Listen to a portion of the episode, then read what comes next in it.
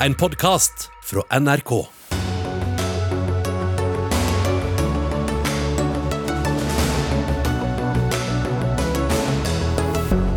Regjeringen skygger unna debatten om vaksinepass, mener Erna Solberg.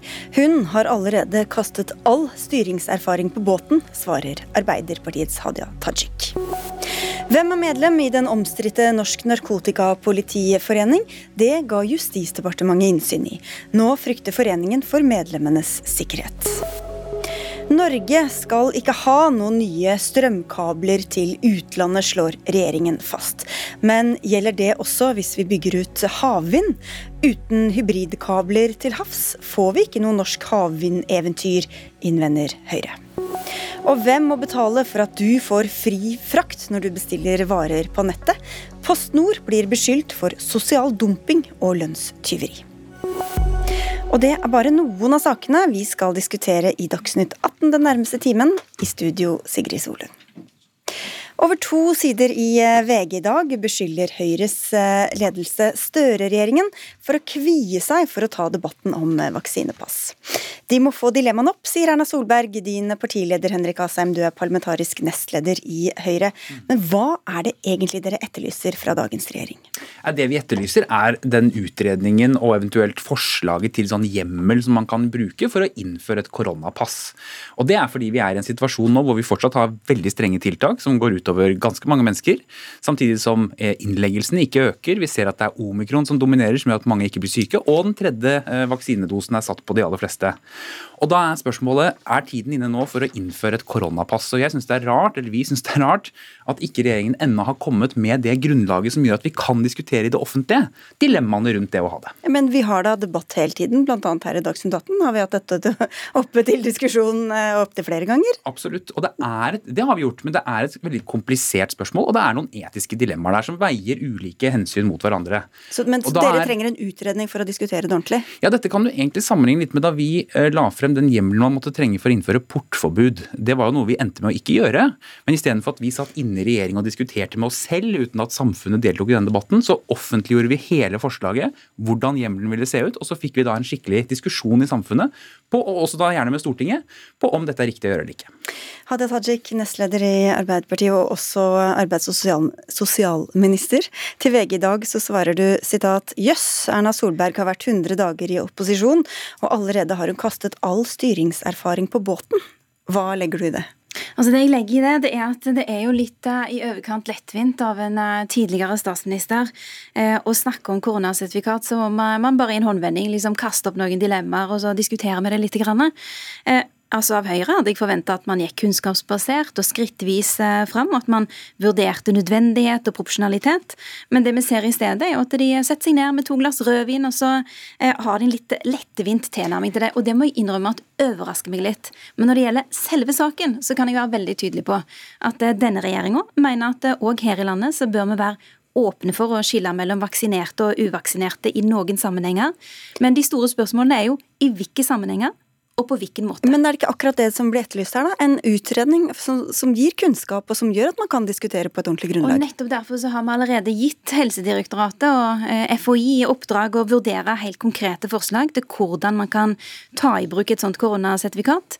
Eh, og jeg kan si såpass at det, eh, det er ikke så lenge til det vil bli lagt fram, så man har gjort en grundig jobb. Man har gjort det i løpet av forholdsvis kort tid. Og jeg må òg innrømme at vi ble litt overraska da vi kom inn i regjeringskontorene og innså at det ikke ikke var lagt noe fundament av den regjeringa som akkurat hadde gått av. De hadde altså eh, håndtert en pandemi, tatt den første viktige og vanskelige økten med å håndtere koronasituasjonen, men ikke lagt grunnlaget for hvordan den skulle håndteres etter valgkampen. I stedet hadde de brukt valgkampen til å feire gjenåpningen og få fine bilder av seg sjøl, men det å legge fundamentet med en utredning på hvordan man kan bruke et koronasertifikat, det var det denne regjeringa som måtte gjøre. For dette var ikke en, en idé som dukket opp i løpet av de siste 100 dagene? Dagene, Asheim? Nei, og det var jo en diskusjon da vi satt i regjering også. Og den gangen så var vi skeptiske til det rett og slett fordi da var jo ikke alle vaksinert, f.eks. Vi hadde et helt annet uh, virus vi egentlig forholdt oss til. Så da trengte dere ikke å utrede det heller? Jo, men altså, vi kan ikke, For det første syns jeg det er litt sånn grøftekant av diskusjon å si liksom, at de satt på en bar og de kan ikke si det for de har styrt landet før og sånn. Jeg tror den diskusjonen som går rundt kjøkkenbordene hjemme nå, det er hvordan håndterer vi det faktum at folk ikke blir sykere, altså de blir ikke lagt inn på sykehus. Vi ser at barna våre ikke får den undervisningen de skal ha. Vi ser at veldig mye av frivilligheten og bedriftene er stengt ned. Hvordan kan vi håndtere det? Og Grunnen til at Høyre stiller et spørsmål som vi strengt tatt stilte før jul, om ikke man kunne komme med en slik utredning, men fortsatt ikke har fått, det er at nå må vi faktisk vurdere denne diskusjonen i et annet lys, og se om vi skal rett og slett innføre et pass som gjør at du kan nettopp forskjellsbehandle på de som er vaksinert, og de som har valgt å ikke vaksinere seg. Men hva mener Høyre, da?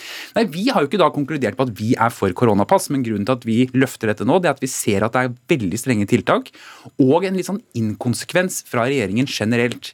Du har altså strenge tiltak fortsatt. Eh, Man skal rulle tilbake støtteordningene for næringslivet ut februar, for arbeidsfolk ut mars, og så kommer regjeringen med en ny strategi i april. Og Det betyr at vi må nå etterlyse noen av de tankene rundt fra regjeringen på hva ser man for seg er den langsiktige håndteringen av denne situasjonen, når vi vet at det går utover såpass mange mennesker. Akkurat, akkurat de eh, koronastøtteordningene skal vi diskutere etterpå, så det kan vi hoppe over, Hadia Tajik. Men eh, ja, du kan få svare. Det er jo ikke så veldig vanskelig å stille spørsmålene her. Det er jo svarene som er krevende. Og Henrik Asheim sier at de etterlyser dette før jul. Vel, vi satte jo i gang utredningsarbeidet før jul. Og vi kunne ha kommet enda lenger hvis det var sånn at eh, Høyre eh, hadde lagt noe av grunnlagsarbeidet før de forlot regjeringskontorene. Men der var skuffene tomme. Vi var nødt til å sette det i gang. Og debatten om vaksinepass er jo ikke spesielt ny. Altså Allerede våren 2021 så gikk debatten i veldig mange europeiske land. EU foreslo vaksinepass tidlig. I våre nordiske naboland, i Sverige, Danmark og Island, så var det mange politikere som var positive. Og Danmark var jo òg et av de landene som var først ute med å ta i bruk eh, vaksinepass. Eh, som en del av sin gjenåpning. Men og det vi altså diskuterte ikke det her også i dette studioet. ja, men Det var men- altså ikke en del av vurderingen til Erna Solberg, tydeligvis, selv om hun òg hadde en gjenåpning eh, i løpet av valgkampen. Og jeg mener jo at eh, altså, Vi er selvfølgelig nødt til å løfte noen av dilemmaene her, men, men jeg opplever jo ikke at det er det Høyre gjør. Altså For, eksempel, for å ta, ta noen helt konkrete dilemmaer som bruk av koronasertifikatet reiser. Eh, Hvis arbeidsfolk får beskjed om at koronapasset ditt er ikke gyldig, du kan ikke komme på jobb i dag, så et spørsmål skal man da sende dem på hjemmekontor. Hvis de jobber innenfor serveringsbransjen eller jobber med barn og ungdom, så hjelper det jo ikke med hjemmekontor, ikke for de får ikke gjort jobben sin hjemmefra. Skal vi si at eh, de får permisjon, eh, og at de får det uten lønn? Eh, I så fall så har man jo iført de en økonomisk eh, straff for okay, at de ikke har gyldig koronapass. er dette da ting som dere driver og utreder nå? Er det det dere holder på med, og så kommer den Dette er jo Eller- den type dilemmaer som det reiser. Og bare for, bare for å illustrere ytterligere altså Jo, men kan jeg, også- jeg bare lurer på, for du sa det kom, men er dere i gang med en utredning? Det er mulig jeg fulgte dårlig med. Det er er men- helt riktig at Helsedirektoratet og FHI de fikk i oppdrag å vurdere helt konkrete forslag til hvordan man kan bruke koronasertifikat på arrangementer og serveringssteder når smittesituasjonen tillater det. Så ja, dette er noe av det vi vurderer. Og Poenget mitt med dette er jo at eh, det viser jo at det er ikke så veldig enkelt i en arbeidssituasjon å si at her er det koronasertifikatet som styrer hva som er mulig og ikke. Og Det er derfor jeg også mener at det blir litt enkelt når et tidligere styringsparti som er vant til å håndtere vanskelige situasjoner, som jo tross alt eh, sto i det som var den eh, tøffe første runden med pandemien, kan tillate seg å ha så lett, lettvinte utspill som dere har her nå. Men det er jo ikke et lettvint utspill å si at nå må regjeringen komme med fordi Nå illustrerer jo statsråden alle de dilemmaene som de f.eks. jobber med. Men hvorfor skal dere sitte og holde dem hemmelig inne i departementene? Kom nå ut med det, slik at vi kan få den debatten i Men er det- Stortinget og i samfunnet. Er det ikke det som er vanlig, at man har en utredning, og så diskuterer man den da, eller? Jo, det er nettopp det Men som hvis er den utredningen er i gang for lengst, så Jo, men ligger det litt seigt, Ja, kommer det litt seigt på banen, da? Men hele poeng... Nei, det gjør vi overhodet ikke, for vi har etterspurt dette i en måned. Poenget er at Men nå det har vært i gang i eh, over en måned. Ja, men nå, nå må dere komme med den snart. Fordi hele Poenget er at situasjonen er helt annerledes i samfunnet nå. Og vi må altså ta på alvor den bekymringen, men også tror jeg, frustrasjonen som mange kjenner på, i at tiltakene fortsetter uten at regjeringen ser ut til å ha noen plan for hvor det skal komme før i april. Da skal man si noe om veien videre for å håndtere denne pandemien. Og jeg sier bare at sant, når man sier at et styringsparti, altså Hvis vi hadde vært et populistisk parti, så hadde vi konkludert på dette uten å sett faktuna. Det vi ber dere om å gjøre nå, det er å legge frem alle disse dilemmaene, komme til Stortinget ja, med et forslag, at og det er på da vei. kan vi diskutere det på en skikkelig måte i offentligheten. For det handler ikke bare om Stortinget eller Høyre og Arbeiderpartiet, men det handler om at folk må se hva er oppsiden og nedsiden ved å innføre et slikt pass. Ja, og, når kom, og når kommer det da, Hadia Tajik? Det er ikke så langt unna. Altså, Oppdraget ble som sagt gitt eh, før jul, og det ble og gitt veldig klar beskjed om at her må det være fullt trøkk. For det er en viktig avklaring å få, det er viktige dilemmaer. Så uker eller dager eller måneder? Jeg kan tillate meg å si at det er ikke så langt unna. Eh, så må man smøre seg litt med tålmodighet.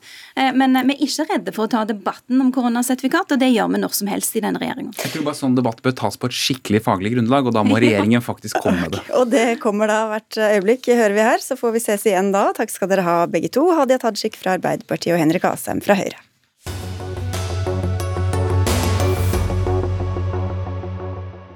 Hvem er de 3000 politifolkene som er med i den omstridte private interesseorganisasjonen Norsk Politiforening? Det ville en privatperson vite, og Justisdepartementet ga innsyn i medlemslisten. Var det bra, eller var det farlig? Debatten har pågått siden dette ble kjent for en ukes tid siden, først gjennom bladet Politiforum. Justisminister Emilie Enger Mehl vil redegjøre for dette først i neste uke, og vil derfor ikke debattere saken her, men allerede har flere politikere konkludert i spørsmålet. En av dem er deg, Ingvild Wetterhus Thorsvik. Du sitter på Stortinget for Venstre og sitter i justiskomiteen der. Og til Bergens Tidende i dag sier du at det er positivt at listene er levert ut. Hvorfor det? Altså jeg tenker jo at jeg ønsker velkommen en avklaring på flere av de problemstillingene som Evanger løfter knytta til personvern, men jeg tenker at det er positivt fordi si, Nå foregriper du kritikken ja. før den er kommet. Si, si først ja. hvorfor dette er bra. At jeg tenker at det er bra fordi det er behov for en opprydding av det samrøret som vi har sett mellom NNPF og politiet. Eh, og den påvirkninga som det kan ha hatt på folks tillit til politiet. Og Da mener jeg at den opprydninga godt kan begynne nå, før rapporten som utvalget som skal gjennomgå denne sammenblandinga, kommer med sin konklusjon. Og i den opprydningsprosessen så mener jeg at det er utrolig viktig at det er åpenhet og transparens rundt det som skjer. Eh, og Derfor mener jeg at det er viktig at disse listene kommer fram. Vi er helt avhengige av å ha tillit til politiet i samfunnet. Eh, og da må politiet òg sørge for å være åpne i sine prosesser. Ja, for Anklagene har jo vært at uh, folk som er medlem i foreningen, har brukt på en måte rollen i politiet som en tyngde inn i arbeidet og, og blandet rollene her. Men eh, man trenger ikke være politiansatt for å være medlem der, og man kan være medlem uten å være særlig aktiv, så hva sier disse listene egentlig?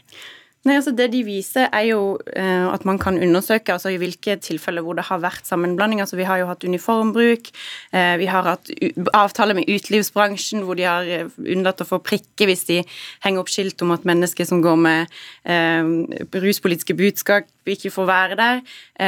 Lønna har jo blitt trukken ifra, nei, unnskyld, Kontingenten har blitt trukka ifra lønna, og det er jo det som gjør at vi sitter her i dag fordi at de selv har satt seg i denne problemstillingen ved å la lønna bli trukket av eh, arbeidsgiver, sånn at det da eh, er en eh, innsynsbegjæring etter offentliglova. Og dette har jo vært særlig aktuelt under arbeidet og debatten om rusreformen, hvor denne foreningen har vært aktiv i å advare mot avkriminalisering av narkotika. Geir Evanger, du er nestleder i Norsk Narkotikapolitiforening og også statsadvokat, og du liker ikke at dette er blitt offentliggjort. Hva er det som er så farlig ved det? Nei, vi er veldig kritiske til vedtaket. Og vi har egentlig bare en juridisk eh, tilnærming, eh, tilnærming til det. Og Derfor har vi klagd inn for Sivilombudet og Datatilsynet. Vi har rett og slett bare fått prøvd, prøvd loven. Og vi mener det er problematisk eh, på flere punkter. For det første er det personvernet. Dette er opplysninger om personers medlemskap i en organisasjon. Eh, og vi mener at det faktisk er nesten forbud mot å eksponere den typen, eh, den typen opplysninger. Eh, vi har sett litt på personvernforordningen bl.a. I artikkel 9 der så tar man for seg fagforeninger. Det er særlig sensitiv informasjon.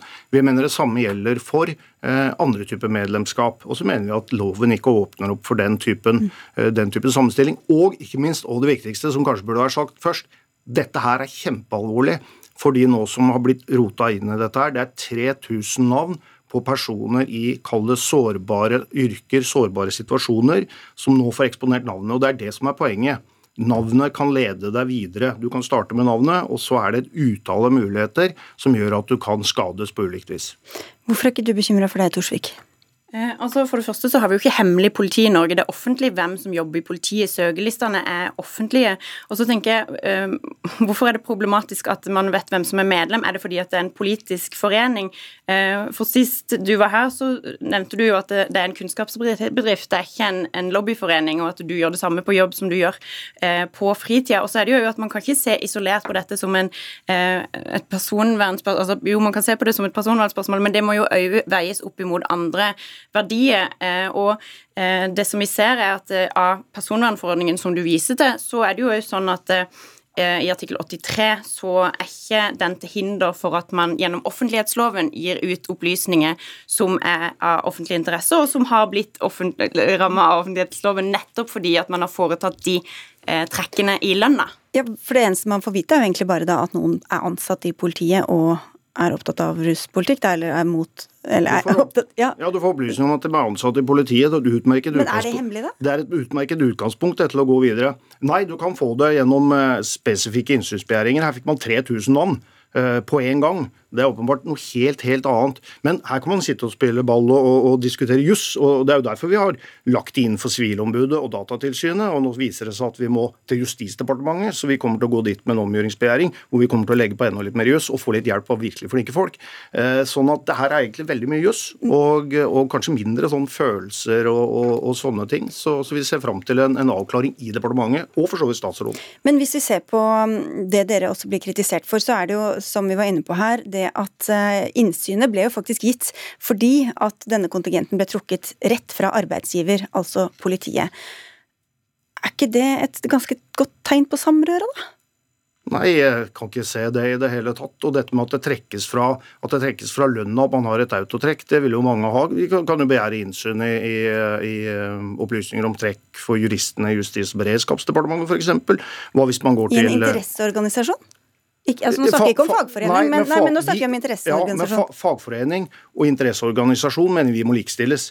Eh, helt utvilsomt. Utgangspunktet må være at det likestilles, og det mener vi har god, god dekning for. Man kan ikke gjøre noen forskjeller, forskjeller, på de to. Ok, Så hvis jeg blir medlem i WWF, så skal de kunne trekke det direkte fra lønna? Nei, Det må du jo i så fall samtykke til, da, men, men, man åpner opp for noen prinsipielle diskusjoner. Og som sagt, det er bøttevis med jus her, sånn at det blir mer interessant når det kommer noen som sier at sånn er det faktisk. Men så er det da sånn at um, det var veldig mange mennesker som hadde håpet på en rusreform. Vi fikk da denne veldig engasjerte debatten.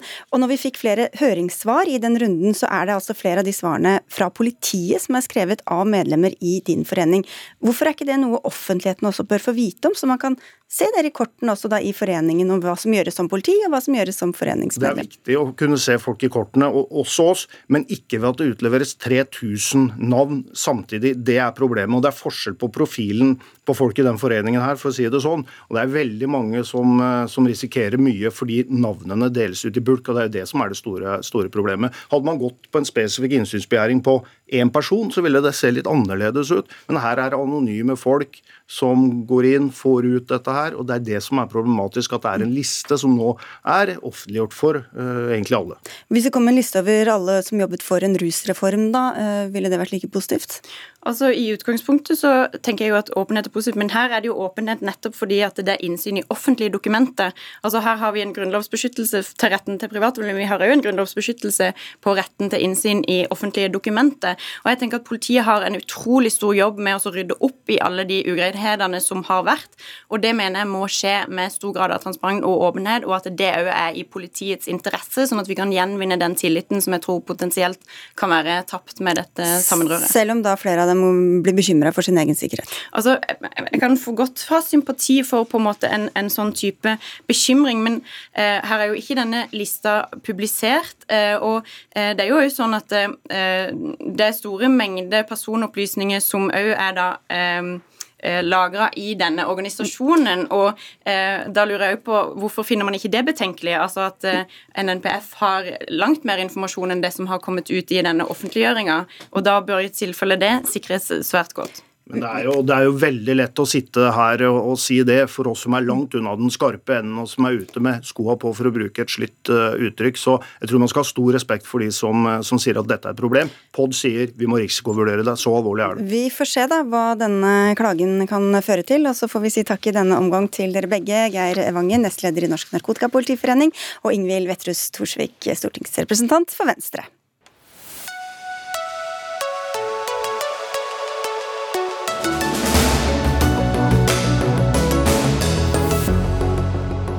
Deler av næringslivet er sterkt kritiske til at regjeringspartiene og SV er blitt enige om en sluttdato for koronakompensasjonsordningen for bedrifter. I går ble det kjent at eh, støtteordningen skal vare fram til 28. februar. Den inneholder en styrking av lønnsstøtteordningen, men kompensasjonsordningen til bedrifter som omsetter mindre pga. smitteverntiltakene, ble satt ned fra 85 til 70% Anniken Hauglie, viseadministrerende direktør i Næringslivets eh, hovedorganisasjon. Både dette siste og sluttdatoen er dere kritisk til. For å ta datoen først, hva er det som er så farlig ved å sette en foreløpig sluttdato? For det første så ønsker jo utgangspunktet norsk næringsliv å klare seg selv. Man ønsker ikke å sitte uvirksomme hendene i fanget og motta ytelser fra staten. Men nå er vi i en situasjon hvor store deler av næringslivet er fratatt muligheten til å drive ordinært. og Da mener vi selvfølgelig at eh, staten må kompensere for bortfall av den eh, inntekten. Og vi mener jo, og vi mener jo også at vi hadde en forståelse for det også hos regjeringen før jul, at eh, tiltakene skal vare så, altså kompensasjonsordningen skal vare så lenge tiltakene varer. og Da må vi legge til grunn at når eh, kompensasjonsordningen opphører 28.2, så må vi også legge til grunn at også tiltakene opphører. For man kan ikke Eh, man kan ikke på den ene siden opprettholde strenge smitteverntiltak som forhindrer normal drift, og samtidig si at dette skal gå for eh, bedriftenes egen regning. For mange av de som vi nå snakker om, altså mange bedrifter går bra, men de vi her snakker om, eh, de, altså de næringene som lever av å samle mennesker, de har gått mer eller mindre for halv maskin og null maskin og for kreditors regning nå i mer, mer, eller mindre to år. og Det er de vi snakker om, og det, så vi mener at dette er helt feil vei å gå. Frode Jacobsen, du sitter på Stortinget for Arbeiderpartiet og mm, sitter i finanskomiteen. Hvorfor kan dere ikke bare si at så lenge smitteverntiltakene eksisterer, så skal eh, ordningen eksistere? La meg aller først si at uh, jeg syns det er ingen grunn til at uh, Annike Hauglie og NHO trenger å spre noe som helst usikkerhet uh, rundt tiltakene. Det Stortinget vedtar i morgen, er jo å gjeninnføre Eh, kompensasjonsordningen for næringslivet. Gjeninnføre en ordning som eh, gjør at de som har stort bortfall av inntekter, også får kompensert for det. Det Stortinget vedtar i morgen, er også å innføre en lønnsstøttemodell som vi ikke har hatt før. Så bedrifter og næringsliv i Norge er sikra god kompensasjon for november i fjor, desember i fjor, januar i år og også for februar. Men ikke fra mars av og utover? Nei, altså jeg er glad for at Anniken Hauglie har det utgangspunktet som hun har, at bedrifter i Norge skal klare seg sjøl. Og jeg er egentlig litt overraska over at eh, NHO eh, ikke er mer opptatt av at vi heller skal ha tiltak som motsvarer da de smitteverntiltakene eh, som er. Og når vi da skal gjeninnføre disse ordningene i morgen, så varer det ut februar, og så får vi ta, ta det videre derfra. Ja, fordi eh, Hauglie, under hele pandemien så er det jo blitt ordninger eh, med visse frister, og så er det blitt forlenget dersom det har vært behov for det. Hva er det som er så annerledes nå? Ja, altså Jeg tviler ikke et sekund på at regjeringen helt sikkert vil eh, snu seg rundt hvis det viser seg at man må gjeninnføre kompensasjonsordningen, men det som er noe av problemet er at det å snu seg rundt, det betyr at det tar ca. en måned. Den, det som Stortinget vedtar i morgen, det var noe man kom til enighet om før jul. Det betyr at man stengte ned bedrifter 13.12. var det vel, ca. I, i før jul, ca. midten av desember. Eh, den ordningen som skal kompensere for de ulempene, den blir vedtatt eh, i morgen. så Det betyr at det er et stort etterslep. og Mange av de bedriftene vi snakker om Frode Jacobsen er jo selv fra Oslo. Vi hører nå hvordan bedriften her i Oslo, ikke minst særlig serveringsnæringen, nå står mer eller mindre med kniven på strupen og frykter at det, går over ende. Og vi mener også at det, en kompensasjonsordning som det vi snakker om nå, den vil på mange måter dø ut av seg selv når ikke det er noe behov for den. Så man kunne fint latt den uh, gå så lenge smitteverntiltakene er. De som ikke kvalifiserer, de vil jo uansett ikke få. Og de som kan begynne å drive ordinært igjen, de kommer jo ikke til å søke. Så vi, man gjør det veldig mye mer vanskelig for bedriftene enn det som er nødvendig. Men det vi burde diskutere nå, er jo hvordan kan vi nå sørge for at bedriftene skal kunne drive ordinært. Nå er det eh, strenge begrensninger med hjemmekontor. Det er meteren, det er munnbind, det er avstand, det er, det er karantenebestemmelser for friske mennesker. Det er en masse hindringer nå som gjør det vanskelig for bedrifter, også kommunal og offentlig sektor, å drive eh, ordinært. og det er det vi burde diskutere. Ja, For at, du vil ha ikke så inngripende smitteverntiltak.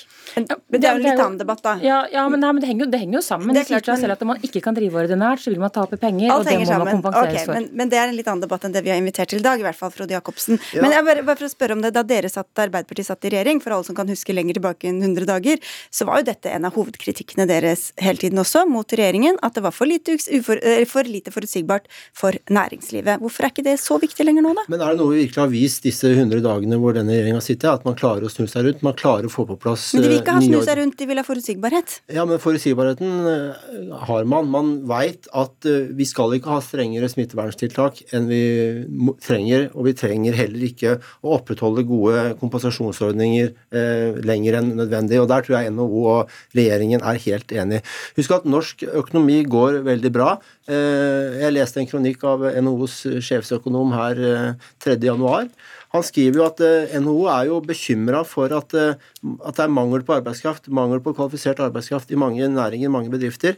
Derfor må støtteordningene begrenses eh, til så lenge smitteverntiltakene er der, og den sammenhengen der sånn må vi se. Husk at norsk næringsliv går veldig bra. Veldig mange bedrifter eh, gjør det kjempefint, og det skal vi være veldig glad for. Og vi skal være veldig sikre på i Norge at vi har, vi har, kompensasjonsordninger når vi trenger det. Vi har brukt 230 milliarder kroner på tiltak under koronaen. Okay. I morgen vedtar Stortinget ytterligere 20 milliarder. Greit. Det landet her har gode ordninger, og norsk næringsliv har nytt godt av det, og arbeidsfolk nyter okay. godt av det. Men, men, de, men, de, bedriftene som går bra, de uh, søker heller ikke om kompensasjonsordning. Nå snakker vi om den delen av næringslivet som går dårlig, på, og i all hovedsak går dårlig pga. myndighetspålagte tiltak. Og det, Vi mener at derfor må også tiltakene, eller kompensasjonen gjelde så lenge tiltakene lenge, gjelder. Du snakket om strenge tiltak. Hva med, altså Dette er jo ikke sånn vips tiltakene over, det vil jo være en utfasing. Så hvilke tiltak skal være strenge nok til at den kompensasjonsordningen skal leve? Man kan jo etter noe, man kan jo kanskje begynne å stille seg spørsmålet de tiltakene som man før mars 2020 mener ville vært uforholdsmessig strenge eller uh, eller, eh, ja, at, at, eller ikke forholdsmessige. Eh, er de det, Ville man tenkt at tiltakene vært uforholdsmessige den gangen? Er det det fortsatt? Så det, burde man kanskje hatt en liten fot i bakken. For det er klart at det å sende eh, halve landet på hjemmekontor, opprettholde avstandsbegrensninger, fortsatt ha skjenkebegrensninger også, det er inngripende tiltak. Nå virker det som om man nesten har vent seg til dem. Men, men så, og det er mange av de tiltakene som gjør at det er vanskelig å drive ordinært og tjene penger. og Det er de, altså det er de bedriftene snakker om nå. De som går bra, de, de, de klarer seg fint. Det er de som nå Greit. fortsatt lider under smitteverntiltak. Slipp opp litt, så slipper dere å fortsette ordningen. Ja, men vi vet jo at eh, er det noe pandemien har lært oss, så er det jo uforutsigbarheten. I dag er det ett år siden vi fikk eh, den britiske varianten som kom inn via Northern Follow. Alt ble stengt ned på kort varsel, mens vi da der vi åpna opp. Det er fem uker siden 13.12. hvor man måtte innføre nye ordninger pga. omikron. I forrige uke begynte regjeringen å lette opp, og det er jo kommet signaler bl.a. fra kulturministeren på at man ønsker å slippe opp. Og det er jo det jeg håper NHO og Arbeiderpartiet er enige om. At vi, vi ønsker å slippe opp når, når, smittevernet tilsier at det kan gjøres. Og det er og ingenting det... som vil glede meg heller enn å gå på kulturaktiviteter sammen med Annike Hauglie. Sammen nå på og Ja da, vi møtes av og til på middager, og det er fint, det. Altså, det er notert. Ok, vi får se. Neste uke kan det komme lettelser. Takk skal dere ha begge to, Anniken Hauglie fra NHO og Frode Jacobsen fra Arbeiderpartiet.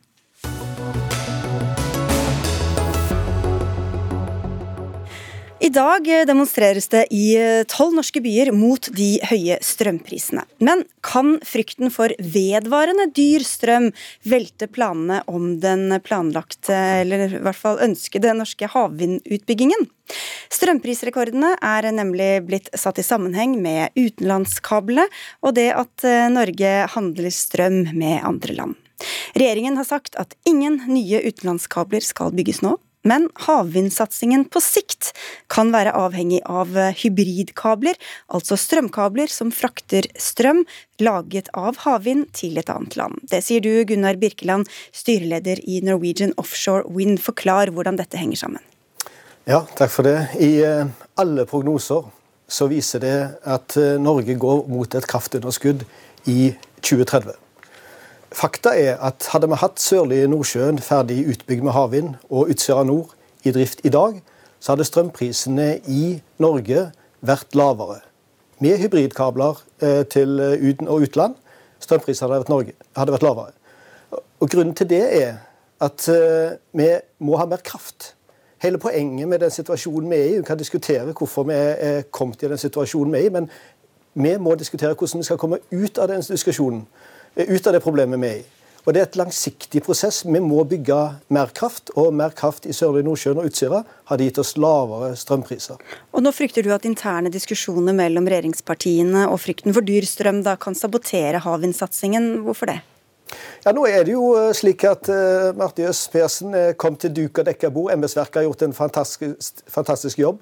Jobba med havvindnæringen. Jeg representerer hele den norske havvindnæringen. 340 medlemmer fra olje og gass og annet. Som er klart å investere milliarder i uh, nettopp det å få nok kraft i Norge, samtidig som vi bygger en ny eksportnæring som vi også skal ha på, på sikt, som er veldig viktig. Kom til duka og dekke bord. Det ligger klart. Det er bare til å trykke på knappen. Og så har vi en eh, utbygging på gang. Og så skal en vite at selv om vi trykker på knappen i dag, så vil en ikke ha en kraftproduksjon eh, på plass før etter 2030, slik som den eh, utbyggingsprosessen ligger i dag. Så det er jo ikke snakk om at vi skal bygge hybridkabler i morgen. Dette er lange prosesser, men jeg er livredd for at debatten som går nå, avsporer hele den viktige oppgaven vi har, nettopp med å sette i gang ny kraftproduksjon. Olje- og energiministeren kunne ikke være med i Dagsnytt 18 eh, i kveld, og jeg kan vel kanskje driste meg til å si at Arbeiderpartiet ikke er helt tydelige på hva de ønsker akkurat på dette punktet. Men dere er tydelige på at dere ikke vil ha sånne hybridkabler. Gro Anita Mykjåland, du sitter i Stortingets energi- og miljøkomité for Senterpartiet. Hvorfor ikke det? Nei, Jeg kan begynne med å si at Hurdalsplattformen er veldig tydelig på at uh, denne regjeringen ikke skal bygge nye utenlandsforbindelser i denne perioden. Og det er Senterpartiet veldig glad for. Vi mener at en hybridkabel uh, det er det samme som en utenlandsforbindelse. Det handler om en havvind, og da ja, det er en eksport, en eksportmulighet. Og Det som er viktig for oss, det er at vi trenger den kraften til Norge. Birkeland sier jo her at vi vil komme i et kraftunderskudd. Og det er ikke tvil om at industrien i Norge uh, og fastlandsindustrien vil være avhengig av mer fornybar, ren energi. Men her er det jo snakk om hva vi skal drive med i 2030, 2040, men at satsingen og infrastrukturen må jo legges nå. Hvorfor skal dagens strømpriser, som jo også er grunnlaget for deres skepsis, danne grunnlag for hva vi skal satse på 10-20 30 år fram i tid? Nei, men det er uenig i forutsetningene med at dette er bare 20-30-40 år fram i tid. Vi hører jo at et kraftunderskudd vil Vi nærmer oss et kraftunderskudd.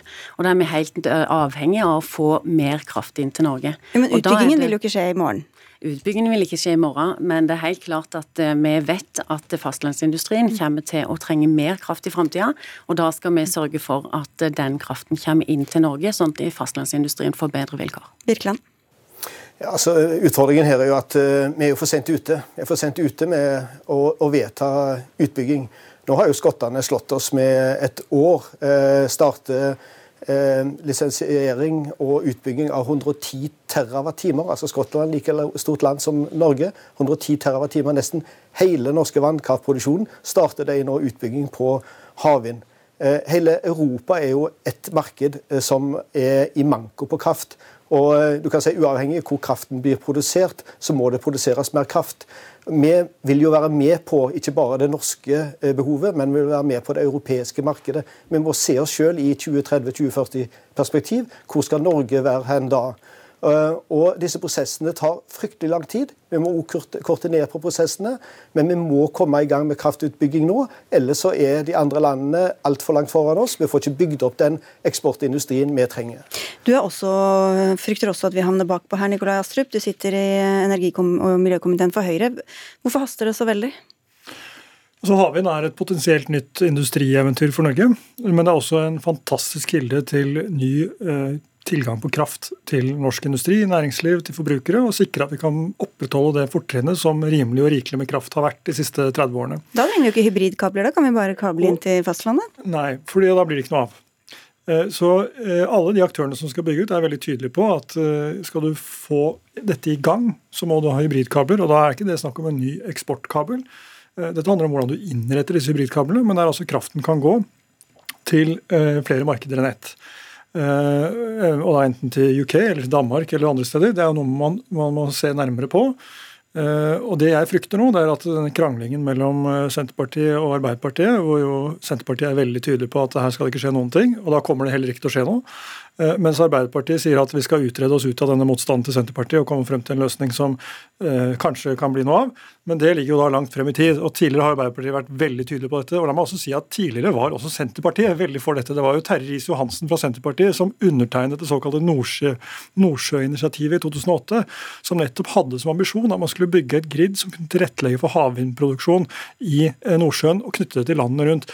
Fordi potensialet fra norsk sokkel er altså 100 ganger Eh, den samlede norske vannkraftproduksjonen. Og Det er så klart det er teoretisk, men selv en liten flik av det er nok til å produsere like mye som dagens vannkraftproduksjon. Så det er tusenvis av arbeidsplasser, masse verdiskaping og utrolig mye kraft som ligger i denne potten, som kan være verdifullt også for, for norsk fastlandsindustri og norske forbrukere. Mykjeland. Ja, det er helt klart at dette er en utrolig viktig satsing. og Det er jo derfor regjeringa har sagt at her skal vi satse stortilt nettopp på havvind. Utsira, der er det fastlandsforbindelse, den skal inn til Norge. Eh, Sørlig Nordsjø 2, eh, det er helt klart at den ligger i et område der det ikke er mangel på kraftkabler i dag, og muligheten til å eksportere kraft. Eh, men jeg syns det er ganske interessant når Astrup peker på at dette går for seint. For nå er det sånn at havenergiloven kom i 2010, og i den samme årstall så ble òg NVE NVE de hadde utredning på 15 ulike områder. Eh, og så må jeg si, nå er jeg kommet fersk eh, ny inn på Stortinget nå i høst, og jeg må si at jeg er overraska over lite som har skjedd på disse nå tolv årene. Eh, så eh, det, det, å på en måte kritisere regjeringa for eh, for at det har skjedd lite på 100 dager, de, år, de dagene de har sittet, det, det syns jeg er ganske interessant. Jeg skal bare høre en ting som, for Du, du sa Astrup, at uh, uten uh, hybridkabler ingen satsing. Stemmer det med, med hva dine medlemmer Birkeland opplever? Ja, vi må jo se dette både i det korte bildet og det lange bildet. Det er helt klart Vi har en Utsira Nord-utbygging som Det fins ikke ett argument imot å starte en Utsira Nord-utbygging nå. Ikke ett eneste Der For der, der, er det ikke hybridkabler involvert, der er det bare kabler rett inn til Haugesund? Nei, og Vi har et, og vi har et Vestland som uh, vil tape arbeidsplasser hvis ikke vi får den kraften inn. Altså, Det er eh, planlagt nye linjer til Vestlandet. Det er ikke nok, de kommer ikke tidsnok. Vi må ha mer kraft. Det er ingen konflikter med en Utsira Nord-utbygging. Så hvorfor i all verden den lar vente på seg? Og så til det jeg håper jeg, kritikken på at hvorfor vi er, er andige nå. Eh, jeg var styreleder i MET-senter, Norges første testsenter for flytende havvind, i 2010. og Jeg husker vi satt og ventet på at dette skulle løsne. Og det tar tid. Nå har det løsna. Nå er vi i en konkurranse med alle landene rundt oss. Det er en vanvittig eh, kamp om å være første region, første land, første industri ute med ny teknologi. Demonstrere den, vise den. Starte en eksportsatsing eh, innenfor teknologi og service. Og Det er det vi er redd for at vi glipper nå. Skottene som sagt, er et år foran oss nå med den, eh, det de gjorde på mandag. Vi har fortsatt sjanse til å ta det igjen med en Utsira Nord-utbygging. Hvis uh, Marte Jøs Persen trykker på knappen nå, som hun kan gjøre, så mhm. kan vi ta skottene ja, igjen og være først i verden med verdens største flytende vann. Eh, og, og, det, og, det, er trinn én, men, men, men hva med på lang sikt? Trenger man da disse hybridkablene for å satse? Ja, eh, altså, vi kan, ikke, vi kan jo ikke lukke grensene og stille oss ut forbi eh, Europa. Vi kan ikke være proteksjonistiske. altså Det prøvde USA på med sin bilindustri. Det gikk ikke spesielt godt. Vi er en del av det europeiske markedet, om vi vil eller ikke. Okay. Og i summa summarum så er det veldig godt. Vi skal være en energieksportør i framtida. Eh, også, ikke bare i dag med gass, men også i framtida gassen ikke er, er, det er et marked for den i Europa lenger.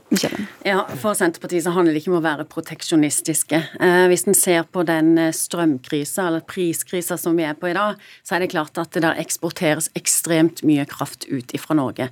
De kablene ligger der, så det handler ikke om at det ikke vil være mulighet for å eksportere kraft. Men vi møter òg en fastlandsindustri som peker på at de kommer til å trenge mer kraft. Og Da handler det om hvor skal vi prioritere den neste krafta, og da har vi vært tydelige på at den skal prioriteres inn til fastlandsindustrien og til Norge. Og da er det jo spørsmålet hvem du skal prioritere, da, og hvem du er villig til å ofre, Astrup? Vi skal ikke være i en posisjon der vi må prioritere mellom ulike formål. Vi skal ha nok kraft til alle formål. Og det er klart, Hvis man tenker smått nok, sånn som Senterpartiet her gjør, så, ja, så holder det med å bygge ut Utsira Nord og Sørlige Nordsjø 2, ta det hjem, stats, uh, subsidiere Sørlige Nordsjø 2 over statsbudsjettet, og, uh, og så er det det. For da kommer det ikke til å bli noe mer. Men her snakker vi altså potensielt om en enorm næring for Norge. Vi snakker om Norges nye industrieventyr. Ja, det vil sikre fastlandsindustrien. Ja, det vil sikre annet behov som vi har på fastlandet. Men det vil også gjøre det mulig for oss å bygge opp en havvindindustri som virkelig kan sysselsette tusenvis av mennesker. Men det kommer ikke til å bli noe av med den defensive holdningen som Senterpartiet har. Og Vi må okay, altså ha et lengre blikk enn den ja. akutte situasjonen som vi står vi i akkurat nå. Ja. Her må jeg bare si at jeg er helt enig med Astrup i at vi skal bygge opp den industrien. Men du må ha noen å selge kraften til. Det har altså, hvis ikke så går den jo rett på havet. Det kommer vi til å ha. Altså, i, det skal jeg love deg. Og jeg kan love Birkeland at dette skal komme raskt på plass. Ja, for det var det siste spørsmålet jeg hadde. Hvorfor ikke trykke på den knappen da så Utsira Nord blir noe av?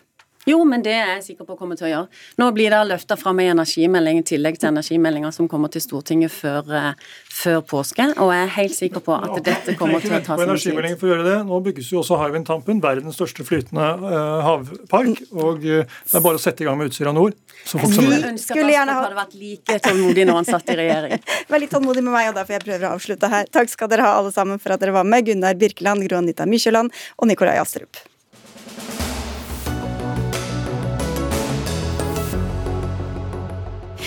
Du sitter på nettet og ser på klær og sko og utstyr og møbler og tenker kan jo bare bestille, frakten er fri og det er bare å sende tilbake varene. Kjenner du deg igjen? De siste to årene har flere og flere av oss benyttet oss av eh, netthandel og fått pakkene gratis tilsendt. Men til hvilken pris? Etter en rekke avsløringer gjort av Fri fagbevegelse om lønnspress, sosial dumping og dårlige arbeidsvilkår blant sjåfører i Post Nord, har også forbrukere begynt å stille spørsmål ved hva de egentlig er med på når de sier ja til bl.a. gratis frakt. Dag Einar Sivertsen, forbundssekretær i Fellesforbundet, som organiserer mange sjåfører sjåfører. Hvem er disse sjåførene som vi sjelden ser, men som har levert et eller annet i postkassa eller på dørmatta eller til butikken mens vi sov? Nei, altså Det kjente i forhold til bransjen generelt sett på sånn her type sjåfører, er jo at vi oppfatter at de kommer i en uniformert bil, eh, gjerne fra et firma med uniform og det hele, og så er det i realiteten ikke ansatte i de firmaene, men de er tilknyttet gjennom en sånn, eh, sånn egen eh, kontrakt med dem. Så, så de, de, har på en måte ikke de samme type rettigheter som en vanlig ansatt ville hatt med tilknytning til firmaet. Det er ofte det store bildet av denne type som vi møter på, på døra. I tillegg har vi jo da også selvfølgelig utstrakt bruk av den utenlandske aktører som, som, kommer i tillegg til de her. Og Hva slags fortellinger og historier er det de forteller dere? Nei, altså Utgangspunktet er det at eh, de, de, her menneskene føler at de er på en måte i ei tvangstrøye. De blir pressa eh, og skvisa i, eh, i alle bauger og ender, både i forhold til sosiale vilkår, til lønn og det hele. Og de har en, en, i utgangspunktet en vanskelig situasjon som vanlige arbeidstakere som har et normalt tilknytningsforhold til en arbeidsgiver, ikke opplever i, i det daglige. Jeg nevnte at forbrukerne, i hvert fall noen, har eh, latt seg engasjere. Grete Melby, du er medlem av Facebook-gruppa Boikott Post Nord, og har altså engasjert deg i dette temaet. Hvilke tanker gjør du deg når du hører om eh, vilkårene disse sjåførene lever under? Nei, altså jeg blir eh, oppriktig bekymra. Altså, som kunde så er jeg jo først og fremst opptatt av meg sjøl og mine egne behov. Jeg vil ha pakken min, og jeg vil gjerne ha den billigst mulig. Så sånn sett så har det vært en trøst å å øse ut frustrasjoner på en Facebook-gruppe. Men så det å få vite at sjåførene behandles så dårlig, det har virkelig gått inn på meg. Og det har virkelig gått opp for meg etter hvert som jeg har fulgt med på f.eks. Post Nord, som jeg har fulgt med på. At det er rett og slett en veldig uetisk Ja, jeg opplever PostNord som en uetisk eh, bedrift. Kanskje det er en u, veldig mye uetisk eh, eh, behandling. Altså dårlig behandling av eh, de ansatte. Eh, men ja. Mm. Eh, jeg syns det er forferdelig. Ja, Robin Olsen, administrerende direktør i Post Nord Norge. Gratis frakt, hvem er det det går utover? Nei, altså Gratis frakt i seg selv er jo eh, ikke et problem i utgangspunktet, sånn som det fremstiller i nettbutikken. fordi vi har jo fraktavtaler med våre kunder, og det er ikke slik at det er noe lavere frakt, man får noe lavere frakt hvis nettbutikken betaler altså legger prisen på, på fraktprisen inn i, inn i produktprisen. Sånn at uh, fri frakt i seg selv er ikke problem. Men det vi syns er feil med fri frakt, det er at det sender et feil signal om at frakt ikke koster, uh, og frakt ikke har en miljøbelastning. Så Av den, av den grunn så sier vi egentlig til nettbutikker og andre at vi foretrekker at frakt eh, skilles ut fra produktprisen. Men så blir dere altså beskyldt for å drive med sosial dumping, eh, ha uverdige forhold til, for sjåførene osv. osv. Hva sier du til det? For det første vil jeg si at PostNord driver ikke med sosial dumping eller underbetaling av sjåfører eller terminalarbeidere. Altså, vi er regulert av våre to, over 200 sjåfører som vi har ansatt, eller våre egne ansatte, går på norsk tarifflønn. Vi forhandler årlig med Fellesforbundet i forhold til deres lønn. Det det er snakk om her, er jo bruk av leverandører, og spesielt de eksemplene som har kommet fram nå, utenlandske leverandører. Og eh, med utenlandske leverandører og leverandører generelt, så har vi egne avtaler med de, hvor de må frembringe dokumentasjon på at de faktisk betaler norsk lønn. Og det er det vi ettergår. I de, det tilfellet her, bare for å svare på det, som har blitt avdekket med 30 kroner timen og 400 kroner dagen osv., så, er det forhold at vi har fått presentert da lønnslister som er feilaktige. Altså de er falske falske, dokumenter? Falske dokumenter. Og Det er jo typisk utenlandske selskaper gjør. Det gjør at vi har redusert den andelen ganske kraftig, som er under 4% av det vi transporterer i Norge. Ja, bare, bare, For å ta prosenten her, når man, når man vet Post Nord hvor stor de er i Norge, så snakker vi faktisk om eh, tilknyttet ca. 20 000 oppdrag på den 3,5 som man snakker om. Så det er, et, det er, et, betydelig innslag av bruk av utenlandske uansett. Og så tilbake til det her med å si at man har det, og man har flotte silkepapirer og det hele. Jeg mener det, det man sitter her og sier, det er en ansvarsfraskrivelse. fordi at i i dokumentene, i karakteristikkene vi har gitt av Post Nord tidligere, så bygger jo det egentlig på reportasjene som er kommet, dokumentasjon som er kommet, Post Nord sine egne svar på det her. Og det er jo ikke sånn at Post Nord én gang, de har jo tre ganger blitt tatt med, eh, etter vårt syn, med buksa nede i forhold til å bruke utenlandske, som, som er, eh, i dag sitter på tiltalebenken for ulovligheter, lønnstyveri, utnyttelse, grov utnyttelse av ansatte. Det er det Post Nord har holdt på med. Og vi mener jo faktisk at man, man bidrar til å være lokomotivet i å utøve sosial dumping når man holder på på denne måten. Ja, altså, Du har et poeng, og det er i forhold til at vi er et lokomotiv om å vise, ta ansvar.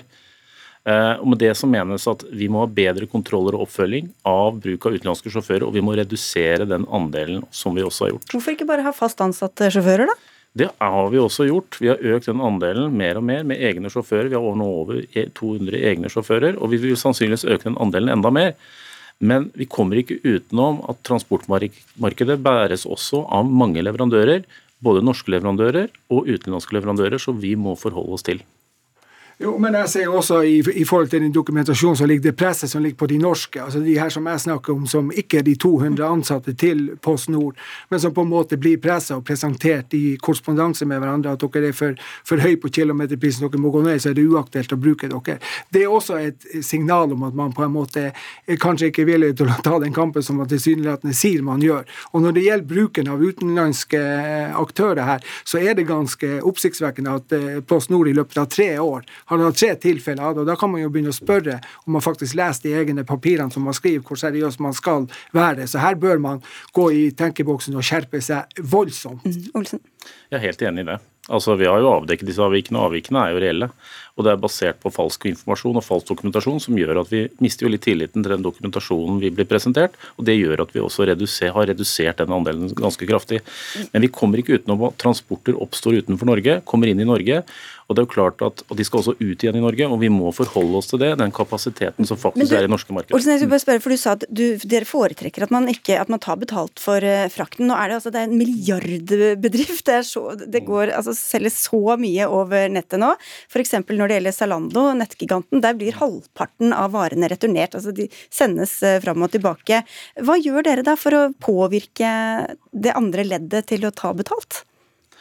Nei, altså vi tar jo oss betalt. Jo, men at, dette er jo en kjede mm. her hvor mm. det, ting henger sammen. Altså Det går jo inn i, i forhold til deres egen prispolicy. Hva ønsker de å bake inn i produktprisen?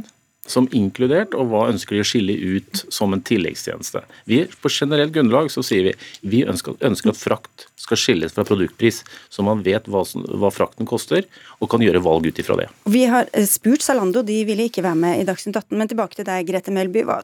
Dette er jo en konkurranse, en hard konkurranse også. Hva tror du forbrukere er villige til å betale for at folk skal ha ordentlige arbeidsforhold? Eh, nei, altså som sagt, eh, jeg vil jo helst betale minst mulig. Men samtidig så er det sånn at eh, når jeg handler på nettet, så vil jo ikke jeg handle fra fabrikker som eh, behandler de ansatte dårlige. Og, og, sånn at det er jo sånn at når jeg har fått informasjon da, og fått vite hvordan det står til, så er jo ikke jeg der at jeg ikke vil betale for frakt. Men det er jo som PostNord direktøren sier, at det, PostNord tar seg jo betalt. Sånn at hvordan, her, hvordan dette måte prisen formidles til meg som forbruker, er kanskje ikke så viktig. Mm. Det viktige for meg er jo at eh, vi, vi, klarer å ha en situasjon der, der, ikke, der ikke, de som frakter varen, som faktisk på en måte er i, i førstelinje, altså som er den personen som jeg møter som kunde, at den personen ikke behandles dårlig. Det syns jeg virkelig ikke hører noe sted hjemme. Og vi ser dem jo knapt, Sivertsen. De bare legger igjen noe på, i postkassa, og så forsvinner de. Er det burde det vært høyere bevissthet også blant forbrukere på dette? Ja, det, er også mulig, men samtidig som vi ikke ser de her menneskene. så Vi har jo, vi har jo kontakt med en god del av dem. Det refereres jo til at vi har 200 medlemmer der, og så har vi jo kontakt med et eh, stort nettverk. Det som på en måte er, Når, når vi hører innrømmelsene her til, til direktøren, og det vi ser av dokumentasjon, så syns jo vi faktisk at det er beklagelig at det er en statlig eid virksomhet i Sverige og Danmark som på en måte er, er det lokomotivet som bidrar til sosial dumping. I, i, I Fellesforbundet så har vi bare plass til seriøse aktører aktører. De useriøse skal ikke være til stede, og de skal heller ikke brukes. Og det bør PostNord eh, fort gå i seg sjøl og rydde opp i eh, pronto. Litt ekstra opprydding her, Robin Olsen. Ja, og det er vi i full gang med. Ok, takk skal dere ha alle tre. Robin Olsen, administrerende direktør i Post Nord Norge. Dag Einar Sivertsen, som er forbundssekretær i Fellesforbundet. Og Grete Melby, delvis misfornøyd forbruker.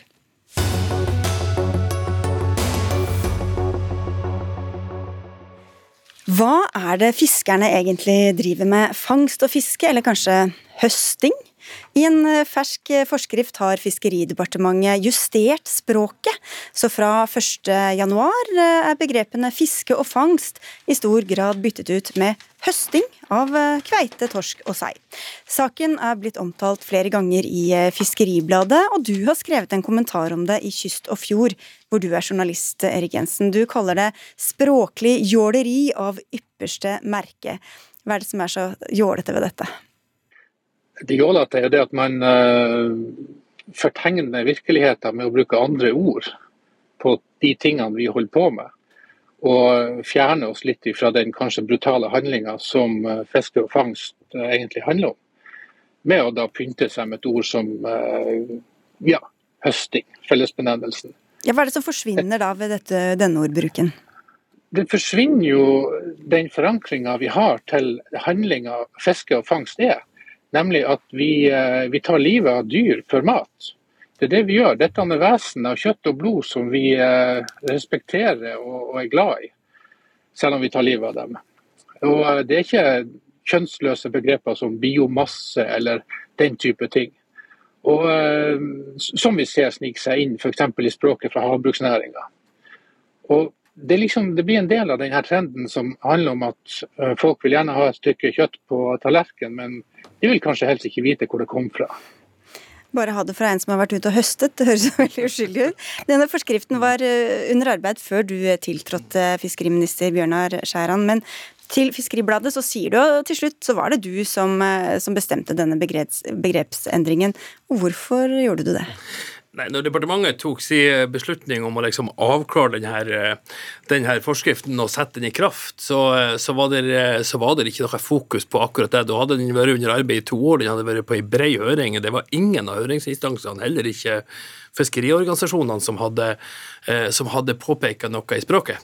Eh, men jeg ser eh, Erik Jensen sine poeng, og jeg er veldig enig. Jeg syns at språk skal være klart, det skal være forståelig, og selv om man må ha et, et språk som har en sånn, litt sånn juridisk karakter både i lover og forskrifter, så skal vi så skal vi søke å omtale ting som det de er. Sånn at Jeg har jo eh, nå utlyst en, en konkurranse gjennom Fiskeribladet der jeg har sagt at de som har, de som har bedre forslag til navn på, på forskriften, de skal, de skal jeg lytte nøye til. Og så, eh, og så har vi startet et arbeid med å gå gjennom den for å se på, på språkbruken. Her bare tre uker, to uker etter at den trådte i kraft, så skal du gå Ja, gjennom på nytt? Ja, og vi har jo sagt òg at den, den, skal, den skal ikke håndheves før 1. mars. Så vi har gitt oss litt eh, tid. Og jeg ser òg på noe ut av innholdet i, eh, i forskriften. Men, eh, men, eh, men utgangspunktet sånn som det ligger nå, det er at navnet på forskriften står ved lag. Det tar opp i seg ordbruken i havressursloven, som er ti-tolv år gammel, og, og som, som introduserer begrepet. Så, så det blir nok først og fremst å gå gjennom språkbruken i forskriften. For jeg mener at man man må aldri drive og legge eh, prestisje i språk. Og jeg, eh, jeg er jo blant de som, som gjerne ser på Linda Eide sitt språkshow i, i helgen og syns at, eh, at språk er viktig. Der fikk vi litt NRK-reklame her også. Men ja. Erik Jensen, hvis dette har vært ute på høring, det har også vært eh, var vel et utvalg og ikke fått noe innspill, hvor, hvor viktig er det da egentlig, hva som står her? Nei, bevares. Både journalister og forvaltning alle sammen har jo fått passe påskrevet for at vi, eh, at vi henger oss opp i det her. Språkrådet er inkludert. Men eh, det har jo, det har jo som ministeren sier, det, det, jo, det har eksistert i årevis i en rekke forskrifter og lover. Så det er jo først nå at det ble en sak og man hengte seg opp i det. Så det er jo litt sånn at Når det nå først ble en diskusjon, så er jo diskusjonen god. Og eh, vi får vi bare ta ministeren sin, eh, sin navnekonkurranse på alvor og lyse ut en dugnad på å komme med det ene gode fellesordet for det som, det som skjer i denne næringa. Ja, så er det sånn at det ikke bestandig at det er så lett å finne fellesord. Der jeg, der jeg holder til, så, så fær fiskerne på skyen for å dra lina. Andre plass så, så snakker man om at man røkter den, og, men man fisker etter fisk, sånn at, sånn at det er sagt. Og så, og så, er, det jo, er det jo sånn at, at jeg er enig i at språk er viktig, men jeg, jeg tror ikke helt på at, eh, at språk i forskrift eh, i, i veldig sterk grad påvirker det norske språket. Det tror jeg den offentlige debatten Nei, men man kan du jo spørre, så, er- eller ut fra det Jensen sa, at dette er liksom hentet litt fra havbruksnæringen. Og da kan man jo også spørre seg hvem som har størst innvirkning på hva dere utformer av eh, lovverk, og enten det gjelder ord eller handling. Den er nok ikke det. Jeg tror de har, eh, tror de har rett, alle som sier at begrepet høsting det er nok henta fra helt andre plasser enn i havet. Det, det er sånn at det kalles det fordi at det, man høster avling på, på land. Det gjør man om høsten. Eh, Men, eh, men jeg kjøper heller ikke for det, altså De som påstår at, at vi som kystnasjon lar, oss, eh, lar, oss, lar, lar språket vårt prege av alt som ikke er på kysten, de kan ikke ha de kan ikke ha tenkt nøye gjennom alle de nydelige ordene vi, vi bruker som, er, som skyldes at vi er en kyst- og havnasjon. Eksempel så, så vil folk kunne hevde at politikere av og til er på litt uh, dypt vann, at man opplever uh, skjær i sjøen, og, og, og, og at man tar seg vann over hodet eller havner på dypt vann. Det er mange eksempler på språk som kommer fra det at vi er en kystnasjon, og det syns jeg er flott. Jensen? Jo, men altså, vi, eh, vi pynter oss jo med ord. Politikerne pynter seg med masse ord om det her. Og Jeg kan nevne alt pratet om, om havrommet som ble introdusert for noen år siden. Jeg kan nevne floskelen om den blå åker. Altså, Havet er ingen blå åker fordi om det kan se sånn ut på overflata. Det er, Hvis du ser på alle disse flotte illustrasjonene som finnes der havet er fjerna, så vil du se et stort landskap med fjell og daler. Det er stor marin villmark der vi har fått lov til å høste av viltlevende bestander. Som er en velsignelse for alle sammen. Og bruk som dette gjør det kanskje, da er det ikke like lett å snakke om fiskehelse eller lakselus eller alle de detaljene som det egentlig handler om, Skjæran? Nei, eh, jeg, tror vi skal, jeg tror vi skal være nøye med språket. Og jeg har i hvert fall bestemt meg for å ta, eh, ta rev i seglene her. Jeg mener at det er håp i hengende snøre for å komme i havn med det her prosjektet. Jeg skjønner, men Du var altså bevisstløs i øyeblikket da du godtok den endringen? da, eller? Nei, igjen, eh, fokuset har jo vært på innholdet i, i, i de enkelte bestemmelsene. Og vi, vi tar en ny runde på det. Og jeg syns, jeg syns vi må være veldig veldig forsiktige både i politikken og byråkratiet og la det gå prestisje i ting. Jeg har aldri gjort det. Og jeg mener at, jeg mener at uansett hva slags beslutning du tar, hvis det viser seg i ettertid, selv om du mener at grunnlaget for å ta en beslutning var godt, hvis det viser i ettertid at, eh, at det stemmer ikke helt, så skal man være i stand til å si vel, vel, vi ser på det på nytt. Det høres ut som eh, kommentaren din har båret frukter, da, bare for å holde meg til det landlige her, eh, Erik Jensen. Men Skjæran her hadde altså en konkurranse om å finne et godt felles ord. Har du kommet opp med noen forslag, eller? Ja, hvor godt det er. Jeg har i hvert fall kommet med et, eh, et forslag. Kan man si, pløy, Pløye mitt forslag i jorden. Det er altså det er en annen som har sagt det, var vel Råfisklagets direktør som sa det en gang i et intervju. Så vi, vi, det er jo vi som representerer den siste veidemannsnæringa. Altså, og da mener jeg at da skal vi stå opp for det vi er. Vi er jegere, fiskere, fangstfolk og sankere. Det er det vi er. Ok, Bønder Så da blir ordet i stedet for høsting, så skal det hete det er, jo, det er jo det som er det vanskelige, og vi skal, vi skal omtale det må språkrådet inn der, men verbet er jo ifølge Wikipedia at veida. Veide, ja. Der falt jeg av. Ok, skjæran. Vi skal i hvert fall passe på at, vi, at vi, vi, skal ha en fellesbetegnelse på forskriften, og det vil handle både om å fiske etter fisk, og, og det å fangst på krabbe, og det å jakte på sel. vi får se. vi får se. Ja. Nå rekker vi ikke mer. Anne Katrine Førli, Eli Kirkebø og jeg, Sigrid Solund, takker for følget.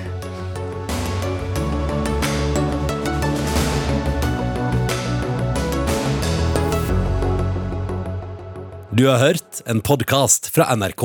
Hør flere podkaster og din favorittkanal i appen NRK Radio.